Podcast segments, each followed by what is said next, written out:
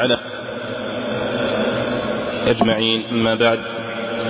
فقال الشيخ عبد الرحمن بن ناصر السعدي رحمه الله تعالى النصيحة أخبر صلى الله عليه وسلم أن الدين نصيحة كررها ثلاثة. وفسرها بأنها النصيحة لله ولكتابه ولرسوله ولأئمة المسلمين وعامتهم وأخبر تعالى أن النصيحة طريقة أنبيائه وأصفيائه وأخبر أن الحرج منفي عمن نصح لله ولرسوله فالنصيحة لله هي القيام التام بحقوقه علما وعملا ودعوة وتنفيذا.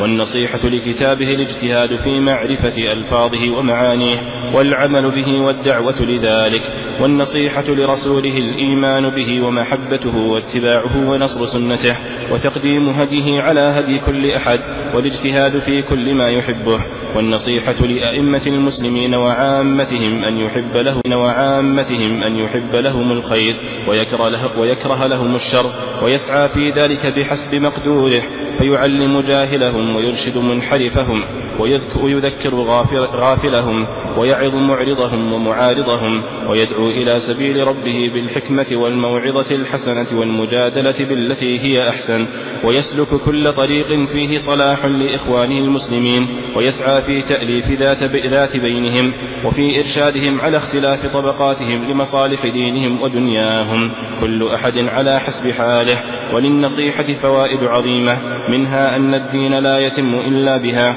بل هي الدين كما ذكره صلى الله عليه وسلم ومنها أن الناصح لله ولرسوله ولكتابه وللخلق نفس عمل قلبه هذا واستعداده وتهيئته للنصيحة من أكبر الأعمال المقربة إلى رب العالمين فما تقرب أحد إلى الله بمثل توطين النفس على النصيحة الشرعية المذكورة فالناصح في عبادة مستمرة إن قام أو قعد أو عمل أو ترك العمل ومنها أن من عجز عن العمل الديني إذا كان ناصحا لله ولرسوله ناويا الخير إذا تيسر له فإنه لا حرج عليه. ويشارك العاملين في عملهم فإنما الأعمال بالنيات.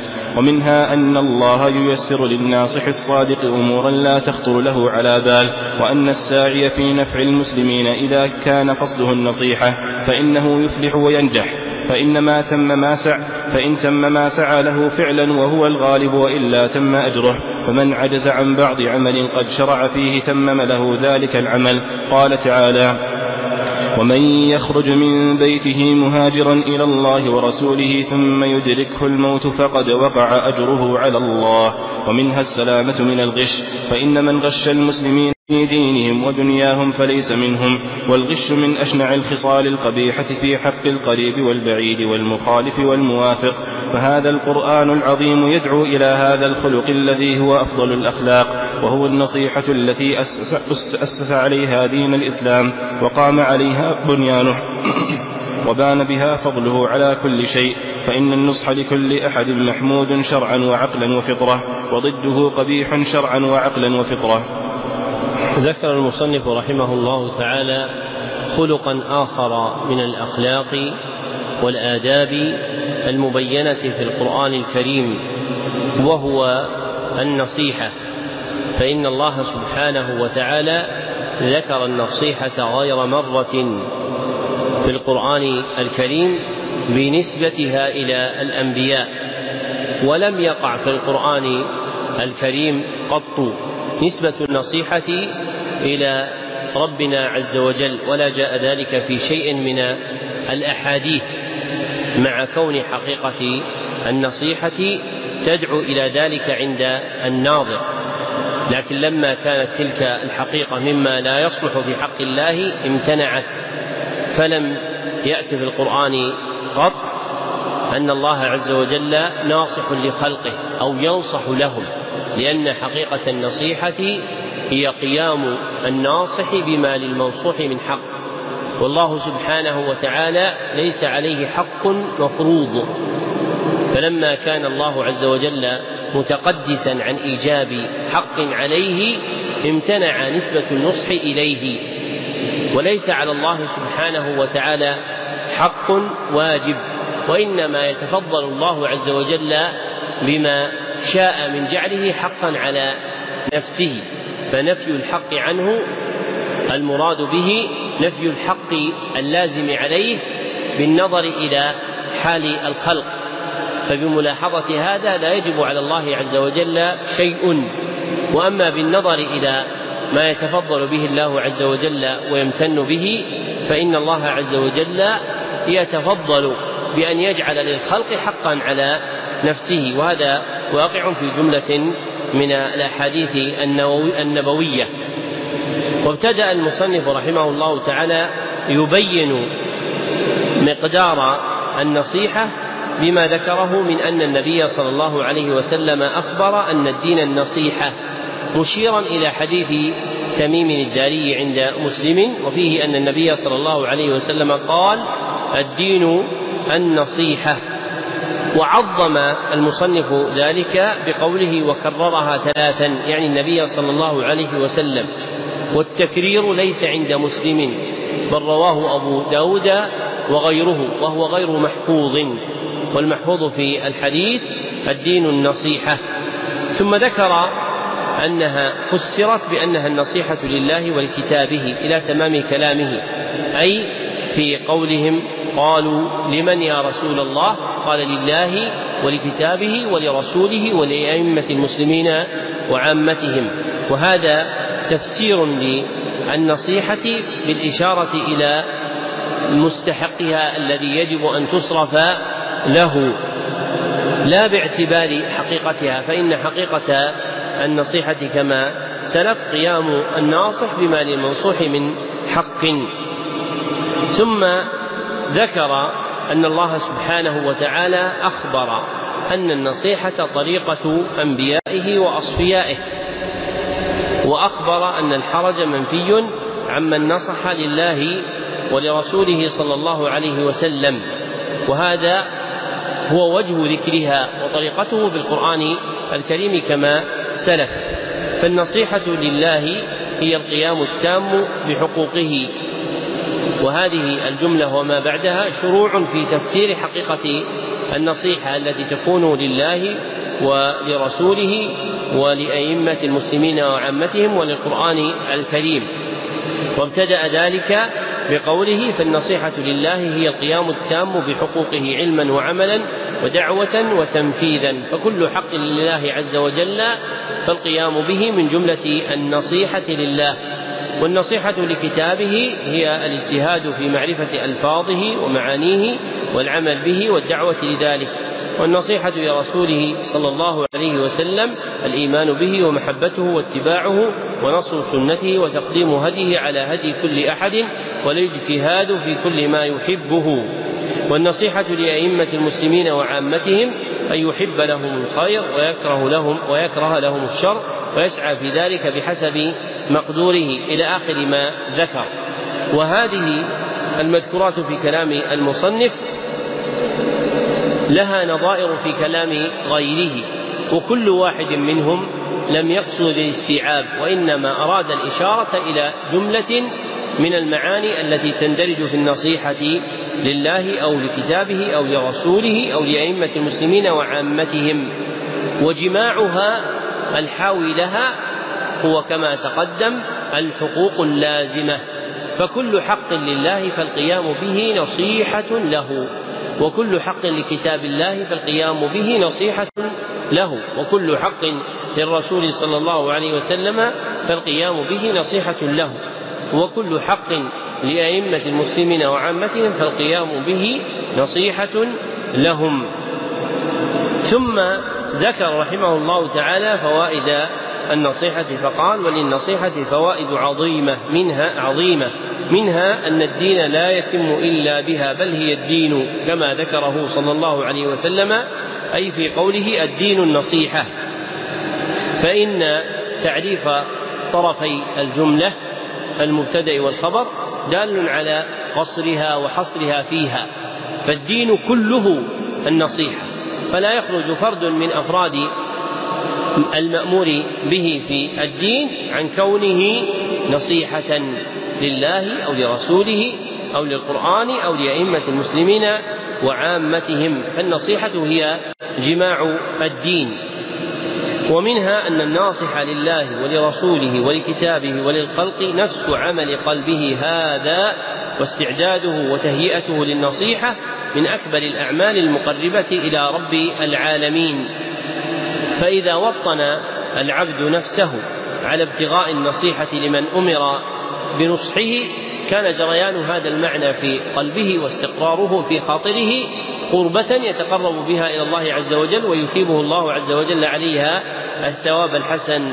فما تقرب أحد لله بمثل توطين النفس على النصيحة الشرعية المذكورة. فالناصح في عبادة مستمرة إن قام أو قعد أو عمل أو ترك العمل وبهذا يحصل تفاضل الخلق لأن توطين النفس على النصيحة مما يشق عليها فإن النفس طلابة لحقها, لحقها جماعة لمرادها فهي لا تبالي بفوات شيء لغيرها إذا كان في مصلحتها فيفوت بهذا المعنى شيء من النصيحة لله أو لكتابه أو لرسوله أو لأئمة المسلمين وعامتهم. وقل من النفوس نفس تخلص من هذا الوارد.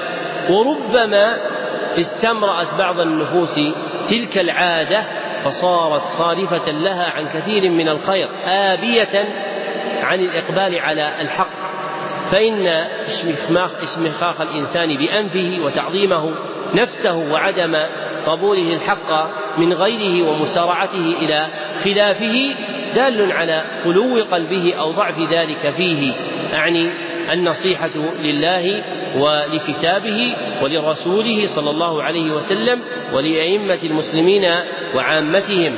فمن أراد أن يحصل النصيحة عبادة تامة يحتاج إلى مجاهدة عظيمة لنفسه كي يخلصها من حظها. وهذا معنى قول أبي العباس بن تيمية الحفيد رحمه الله العارف لا يطالب ولا يعاتب ولا يغالب فمن عرف الله بكمال علمه وحسن عمله فإنه لا يطالب الخلق بشيء ولا يعاتبهم على شيء ولا يغالبهم في شيء وهذا هو الناصح حقا القائم بالنصيحة المشروعة على الوجه الأكمل. وبها يحصل السبق فإن سبق الإنسان غيره في الخير ورفعة الرتبة عند الله عز وجل بحسب ما في قلبه من النصيحة. ولأجل هذا دأب جماعة من المصنفين في ذكر النصيحة من جملة اعتقاد أهل السنة والجماعة كما قال ابن سعدي في عقيدته ويدينون بالنصيحة للمسلمين فهم يرون أن من الواجب عليهم أن ينصحوا المسلمين جميعا موافقهم ومخالفهم. ومن المحفوظ عندكم أثر بكر بن عبد الله المزني أنه قال ما سبقهم أبو بكر بكثرة صلاة ولا صيام ولكن بشيء وقر في القلب. قال الفضيل بن عياض الذي وقر في القلب الصدق ونصيحة المسلمين. وصدق أبو علي رحمه الله فإن أبا بكر رضي الله عنه كان نصاحا للمسلمين صادقا في دعوتهم إلى ما فيه منفعتهم ومصلحتهم في الدارين. ومن فوائد النصيحة أيضا أن من عجز عن العمل الديني إذا كان ناصحا لله ولرسوله ناويا الخير إذا تيسر له فإنه لا حرج عليه ويشارك العاملين في عملهم فإنما الأعمال بالنيات. ورب نية سبقت عملا فقد ينوي الإنسان الخير ثم لا يقدر عليه أو يحال بينه وبينه. فإذا كان قلبه منطويا على ابتغاء بذل النصيحة لله ولكتابه ولرسوله صلى الله عليه وسلم ولأئمة المسلمين وعامتهم فإنه يحصل ثواب هذا العمل. ومن فوائد النصيحة أن الله ييسر للناصح الصادق أمورا لا تخطر له على بال. وأن الساعي في نفع المسلمين إذا كان قصده النصيحة فإنه يفلح وينجح. فإن تم ما سعى له فعلا وهو الغالب وإلا وإلا تم أجره. فمن عجز عن بعض عمل قد شرع فيه تمم له ذلك العمل. واستدل المصنف بقوله تعالى ومن يخرج من بيته مهاجرا إلى الله ورسوله ثم يدركه الموت فقد وقع أجره على الله. فالنصح والصدق يحدث بها للعبد أحوال وأمور وفتوحات لا يقدر المرء على اكتسابها بمثل صلاح قلبه بالنصيحة والصدق فيها للمسلمين. ومن فوائد النصيحة أيضا السلامة من الغش بأن يخلو قلبه منه فإن الغش لا يجامع النصيحة وما دخلت النصيحة قلب عبد إلا خرج الغش منه ولا دخل الغش قلب عبد إلا خرجت النصيحة منه فإن الغش والنصيحة لا يجتمعان في قلب كما لا يجتمع الضب والحوت في مقام فكما يمتنع اجتماع ضب بري وحوت بحري في موضع واحد فإنه يمتنع أن تجتمع النصيحة والغش في قلب أحد يكمل إيمانه. فمن غش المسلمين في دينهم ودنياهم فليس منهم كما في حديث أبي هريرة في صحيح مسلم من غشنا فليس منا. فمن كان غاشا فإن النصيحة خارجة من قلبه.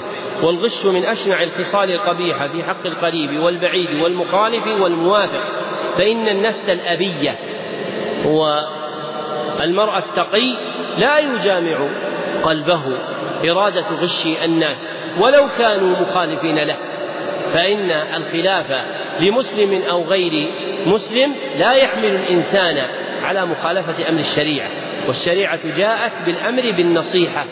فيجب على العبد أن يسلك النصيحة مع المحب والمبغض والقريب والمعيد والمخالف والموافق والمسلم والكافر لأنها أصل من أصول الدين. ومن وعى هذا هانت عليه الأمور كلها.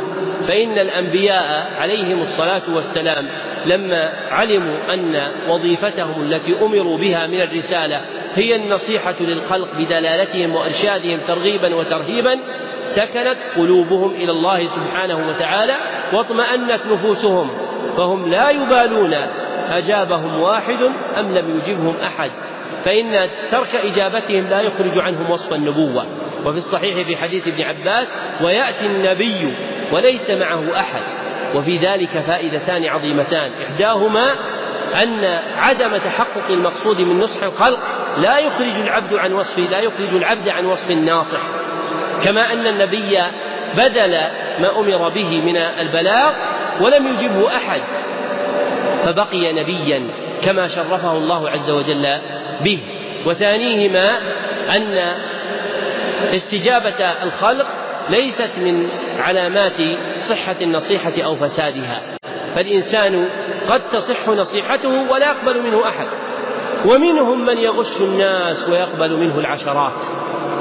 فليس هذا مقياسا لمعرفة المحق من المبطل والصادق من الكاذب. ولكن المقياس هو أن تؤخذ أقواله وأفعاله وما يدعو إليه فتوزن بالكتاب والسنة. فإن كانت حقا صارت حقا ولو لم يجبه أحد. وإن كانت باطلا فهي باطل وإن أجابه كل أحد. وعند ابن عساكر بسند صحيح عن ابن مسعود أنه كان يقول أنت الجماعة إذا كنت على الحق ولو كنت وحدك. فالناصح لا ينبغي له أن يلاحظ كثرة الناس وقلتهم وإقبالهم وإدبارهم بل ينبغي له أن ينظر بعين الرعاية إلى موافقته أمر الله سبحانه وتعالى.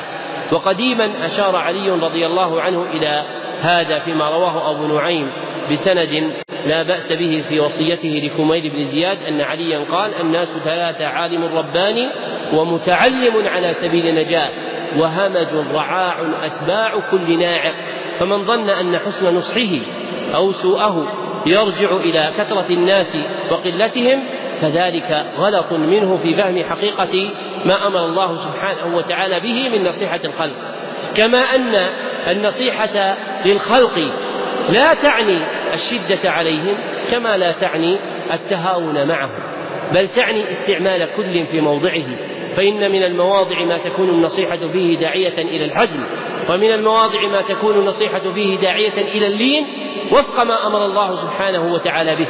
ولا يميز هذا إلا من جعل الله عز وجل له علما وافرا وبصيرة إيمانية. فإذا اجتمع هذان الأمران وفق العبد إلى الخير. ورب إنسان تجد عنده علما ولكن لا تجد عنده بصيرة إيمانية. فإن الذي ينظر بنور الله سبحانه وتعالى هو الذي يوفق للخير. وكان الإمام أحمد رحمه الله تعالى عند وفاته أوصى الناس أن يسألوا بعده عبد الوهاب الوراق ولم يكن عبد الوهاب أعظم أصحاب أحمد في العلم ولكنه كان رجلا صالحا تقيا كما قال أحمد يوشك أن يسأل فيجيب فيسدد. فلما كان على هذا الوصف استحق أن يرشد الناس إليه لأن مثل هذا هو الذي يكون صالحا لنصح الخلق. أما الإنسان الذي يجاري الناس فيما أحبوا ويزعم أن النصيحة أن تستعمل معهم هذا ويجاريهم فيما أبغضوا ويزعم أن النصيحة هي هذه فليس ذلك من النصيحة حقا بل النصيحة حقا هو أن يبين لهم الدين ولو أبغضوه. وكان بعض السلف يقول إذا رأيت جيران الرجل يحبونه فاتهمه وهذه مبالغة منه لأن الذي يقوم بالنصيحة للخلق ربما حصل منه استعمال الحزم في مواضعه فكرهه بعض الناس. فإن الواقع في المنكر يكره النهي عنه لكن الناصح لا ينبغي له أن يغادر هذا لأجل الناس وإنما يجعل مراده دائرا مع الله عز وجل كما قال الشاعر كما قال ابن القيم رحمه الله تعالى في النونية فلواحد كن واحدا في واحد أعني طريق الحق والإيمان. ثم ذكر رحمه الله تعالى أن القرآن الكريم يدعو إلى هذا الخلق الذي هو أفضل الأخلاق وهو النصيحة التي أسس عليها دين الإسلام وقام عليها بنيانه وبان بها فضله على كل شيء فإن النصح لكل أحد محمود شرعا وعقلا وفطرة. وضده وهو الغش قبيح شرعا وعقلا وفطرة. ومن وقر في قلبه هذا المعنى وقر في قلبه تعظيم النصيحة وبذلها للناس في المواضع التي يحتاجون إليها فهو لا يبادر بها كيفما اتفق بل ينظر إلى موقعها الشرعي. وأعرف بعض الإخوان ممن إذا استشير في شيء أمهل مستشيره أياما. وموجب ذلك عنده أن مستشيره مستنصح له. فحقيقة نصيحته له أن يمهله أياما ينظر فيها ثم يرشده إلى مبتغاه. وهذا من حقيقة فهم النصيحة بأن يوقعها في الموقع الأكمل الأمثل. وأولى الناس بأن يحققوا معنى النصيحة هم طلاب العلم وحملة الشريعة. ولا ينبغي أن يكونوا همجا رعاعا يتبعون كل ناعم ويجولون مع كل جولة ويصولون مع كل صولة ويدورون مع كل دولة بل يدورون مع الحق. شاء الناس أم أبوا؟ حاكما أو محكوما فهو متعبد لله سبحانه وتعالى وحده ليس متعبدا لحاكم ولا لمحكوم. ومن الناس من صار يميل إلى هذا ومنهم من صار يميل إلى ذاك فيحصل له من فوت حقيقة النصيحة ولزوم معنى العلم بقدر ميله الذي يحدثه. ولا ينبغي لطالب العلم أن أن يؤخذ بهذه الهيجات التي تحدث للناس طورا بعد طور وحالا بعد حال إما في أمر أمني أو سياسي أو اقتصادي أو أخلاقي فيقبل عليها الناس زرافات ووحدانا فإن طالب العلم لا ينظر بنظر الخلق بل ينظر بحكم الشريعة. فبحسب ما دعت إليه الشريعة يعمل. وبحسب ما أمرته الشريعة يأتمر فلا يكون محكوما بهواه ولا محكوما بالإذاعات الإخبارية ولا محكوما بمرادات الناس ولا محكوما بإملاءات الحكام وإنما يكون محكوما بأمر الله سبحانه وتعالى. وإقامة النفس على هذا تحتاج إلى جهاد عظيم وإلى طول ملازمة إلى أهل العلم الراسخين الذين لا تتغير أقوالهم ولا تتبدل أحوالهم فمنذ عرفوا بالفتيا والإمامة في الدين والعلم القول قولهم والحال حالهم ويتغير الناس ويتحولون ويقبلون ويدبرون ويقلون ويكثرون وهم ثابتون على الأمر لأنهم يقومون لله سبحانه وتعالى بالحق. فمن كان كذلك سلم ومن لم يكن كذلك هلك. وسيعلم المرء صدق السنوات الخداعات التي يؤخذ فيها الناس. ومنهم جملة من المتشرعة المنتسبين إلى العلم فيغترون بأشياء يذهب بها تذهب بها أديانهم. فإن القومية لما ظهرت كتب من المتشرعة من كتب في تأييدها ولما ظهرت الماركسية الشيوعية كتب في تأييدها من كتب. ولما ظهرت اليوم الليبرالية كتب في تأييدها من كتب إما بصراحة أو بقلم خفي من الدعوة إلى الحقوق المدنية والمواثيق الإنسانية التي لم تأتي بها آية قرآنية ولا سنة نبوية. وإن مما يحلق النفس أن ترى بيانات تنسب إلى من يسمون بالعلماء وطلبة العلم. عماد أدلتها مواثيق حقوق الإنسان والأمم المتحدة. ولعمري أين قدر الله سبحانه وتعالى؟ وأين أدلة القرآن والسنة؟ وأين الدوران معها وملاحظتها وحمل الخلق عليها ولو كان مخالفا لأهوائهم؟ ولكن الناس كثر منهم من ركب هواه وهو منتسب إلى الشرع. ولا ينبغي للإنسان أن ينظر إلى من هلك كيف هلك ولكن ينظر إلى من نجا كيف نجا.